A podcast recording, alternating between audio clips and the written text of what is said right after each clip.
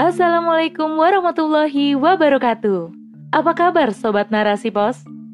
Kembali lagi bersama saya Giriani di podcast Narasi Pos. Narasipos.com Cerdas dalam literasi media, bijak menangkap peristiwa kunci. Rubrik Opini.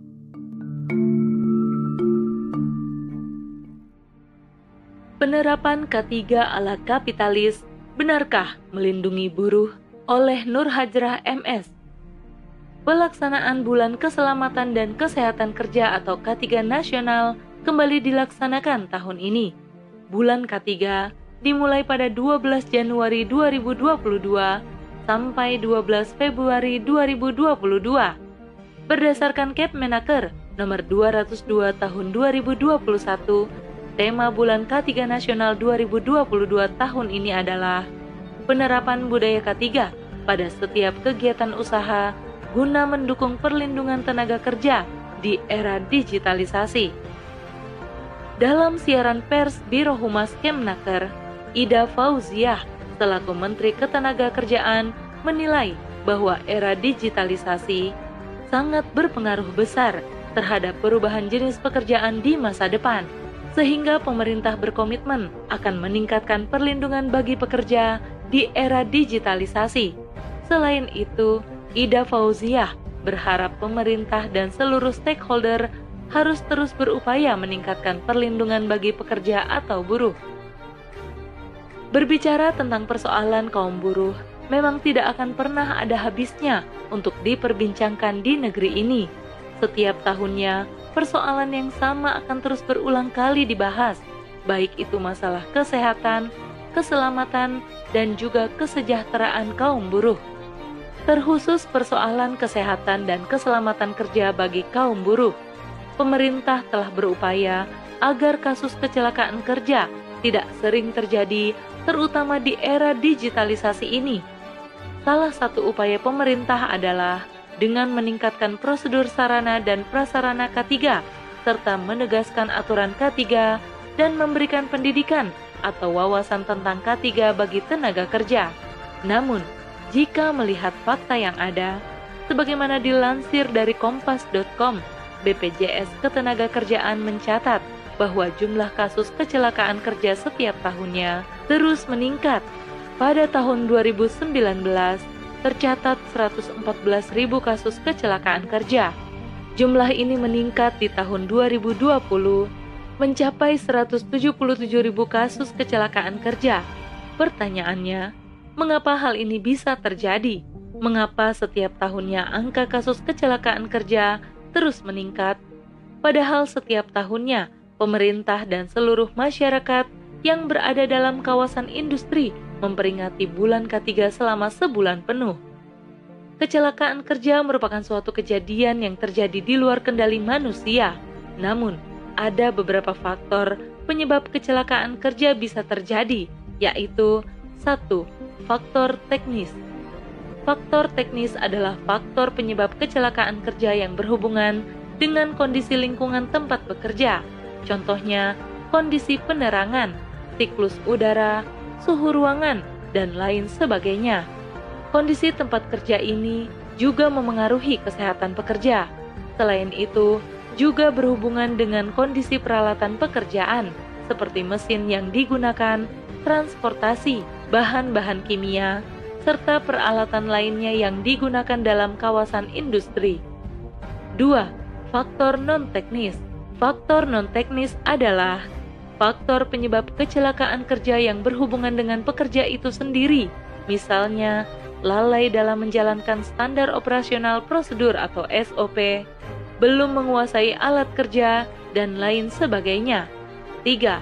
Faktor alam Faktor alam adalah faktor penyebab kecelakaan kerja karena adanya bencana alam, seperti gempa bumi, banjir, angin puting beliung, dan lain-lain. Dari beberapa faktor penyebab terjadinya kecelakaan kerja di atas, faktor teknis merupakan faktor penyebab kecelakaan kerja yang paling sering terjadi, mulai dari kondisi peralatan kerja yang sudah tidak layak pakai, peralatan safety pekerja yang tidak sesuai standar dan tidak memadai, serta tempat bekerja yang tidak aman dan nyaman, bahkan bisa mempengaruhi kesehatan pekerja. Kecelakaan kerja tentu saja merugikan, baik itu bagi pihak pekerja yang mengalami insiden kecelakaan kerja maupun bagi perusahaan sendiri. Dalam situasi inilah, ketidakadilan biasa terjadi bagi pihak pekerja. Tidak sedikit kasus pekerja harus diberhentikan karena kondisi pekerja yang sudah cacat akibat kecelakaan kerja. Pihak perusahaan pun tidak membiayai secara penuh pengobatannya sampai korban benar-benar pulih. Bahkan ada beberapa kasus pihak perusahaan lepas tangan, tidak mau menanggung biaya-biaya yang diperlukan korban jika insiden tersebut terbukti terjadi karena kelalaian korban. Bahkan tidak sedikit kasus insiden kecelakaan kerja sampai menelan korban jiwa.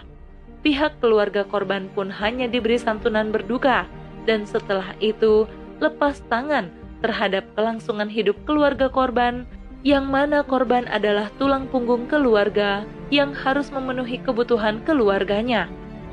Contoh kasus kecelakaan kerja yang dialami Teguh Saputra, 20 tahun.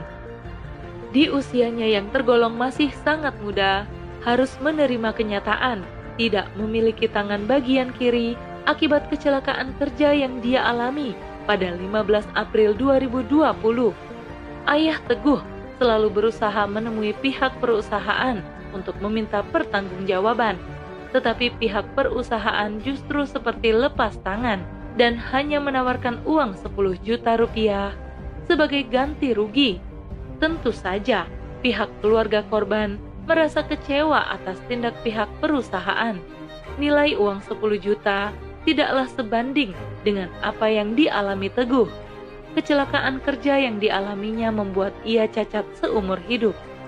Lain cerita lagi dengan kerugian yang dialami pihak perusahaan. Pihak perusahaan hanya rugi secara materi atau biaya produksi, tidak mengalami cacat seumur hidup karena mesin atau alat yang digunakan dapat diperbaiki atau diganti. Bahkan setelah insiden kecelakaan kerja, perusahaan akan tetap beroperasi. Beginilah penampakan dari sistem kapitalisme. Para buruh yang bekerja di dalam naungannya tidak dijamin kesehatan, keselamatan, dan kesejahteraan hidupnya dan keluarganya. Ekonomi kapitalisme melahirkan korporasi-korporasi yang berusaha menekan pengeluaran atau modal seminim mungkin dengan harapan bisa meraih hasil atau keuntungan yang besar. Prinsip ekonomi yang dijunjung inilah yang tidak akan pernah menjadikan masyarakat atau para buruh sejahtera. Upah yang diberikan pihak perusahaan bagi kaum buruh pun hanya sebatas untuk memenuhi biaya hidup selama sebulan. Tidak ada jaminan untuk kesejahteraan bagi kelangsungan hidup pekerja di masa depan. Di saat kaum buruh mengharapkan keadilan agar jeritan hati mereka didengar oleh pemerintah sebagai wakil rakyat, malah menambah luka bagi kaum buruh, bahkan memberikan pernyataan bahwa upah buruh di Indonesia sudah sangat tinggi. BPJS Kesehatan maupun BPJS Ketenagakerjaan hanyalah sebatas sampul yang seolah-olah memperlihatkan bahwa pemerintah dan pihak perusahaan memperhatikan kesehatan dan keselamatan para buruh. Namun, pada kenyataannya, saat pekerja sakit maupun mengalami kecelakaan kerja, pihak perusahaan akan tetap perhitungan untuk mengeluarkan biaya atau bahkan tidak sama sekali. Tidak sedikit kasus BPJS Kesehatan maupun BPJS Ketenagakerjaan yang digunakan korban kecelakaan kerja untuk berobat justru malah ditolak pihak rumah sakit dengan berbagai alasan. Lantas, inikah yang disebut dengan memperhatikan kesehatan dan keselamatan kaum buruh, jika pada kenyataannya di saat pekerja sakit atau mengalami insiden kecelakaan kerja, justru merekalah yang membiayai dirinya sendiri dan pada faktanya, pembayaran iuran bulanan BPJS yang dimiliki pekerja pun bersumber dari upah pekerja yang dipotong setiap bulannya. Miris, kesehatan dan keselamatan kerja para buruh pun dijadikan ladang bisnis Apakah ini yang dimaksud dengan memperhatikan kesehatan dan keselamatan tenaga kerja? Rezim dan sistem pemerintahan saat ini sudah begitu banyak menyakiti hati masyarakat, termasuk kaum buruh. Wakil rakyat yang katanya tempat untuk menyampaikan suara dan aspirasi rakyat, justru malah berhati bebal dan tidak berpihak terhadap mereka. Lain halnya dalam sistem pemerintahan Islam. Pemimpinnya begitu memperhatikan hak-hak pekerja, berlaku adil tanpa perhitungan. Dalam Islam, Allah Subhanahu wa Ta'ala sangat mencintai umatnya yang rajin bekerja. Diriwayatkan Tobrani dalam Al-Kabir, Rasulullah Shallallahu Alaihi Wasallam bersabda, Allah mencintai setiap mukmin yang bekerja untuk keluarganya dan tidak menyukai mukmin yang pengangguran baik itu dalam pekerjaan dunia maupun akhirat. Untuk itulah, khilafah hadir untuk meriayah umat, bahkan menyediakan lapangan pekerjaan bagi mereka. Tidak ada istilah UMR atau upah minimum regional karena para pekerja digaji dengan sangat adil sesuai dengan jasa yang mereka berikan. Bahkan Rasulullah Shallallahu Alaihi Wasallam sangat memperhatikan sistem pengupahan bagi pekerja. Rasulullah Shallallahu Alaihi Wasallam bersabda, berikan upah kepada pekerja sebelum kering keringatnya. Hadis riwayat Ibnu Majah. Begitupun dengan keselamatan dan kesehatan para pekerja. Khilafah akan sangat memperhatikannya, baik secara teknis maupun non-teknis. Secara teknis, khilafah akan selalu memperhatikan setiap peralatan-peralatan yang digunakan, apakah masih layak ataukah tidak. Begitu pula dengan kondisi lingkungan, apakah aman bagi para pekerja dan bagi setiap makhluk hidup yang berada di sekitar wilayah pekerjaan. Secara non-teknis, pekerja akan selalu diingatkan untuk memperhatikan kesehatan dan keselamatannya dalam bekerja, serta akan selalu diingatkan bahwa bekerjalah semata-mata untuk mencari keridoan Allah Subhanahu wa taala. Sakit atau insiden kecelakaan kerja merupakan suatu kejadian yang berada di luar kendali manusia. Kejadian yang tidak akan pernah diketahui kapan waktunya akan terjadi. Jangan lalai dalam bekerja yang dapat membahayakan diri mereka sendiri. Sebagaimana sabda Rasulullah Shallallahu alaihi wasallam, tidak boleh melakukan perbuatan yang bisa membahayakan bagi diri sendiri dan orang lain.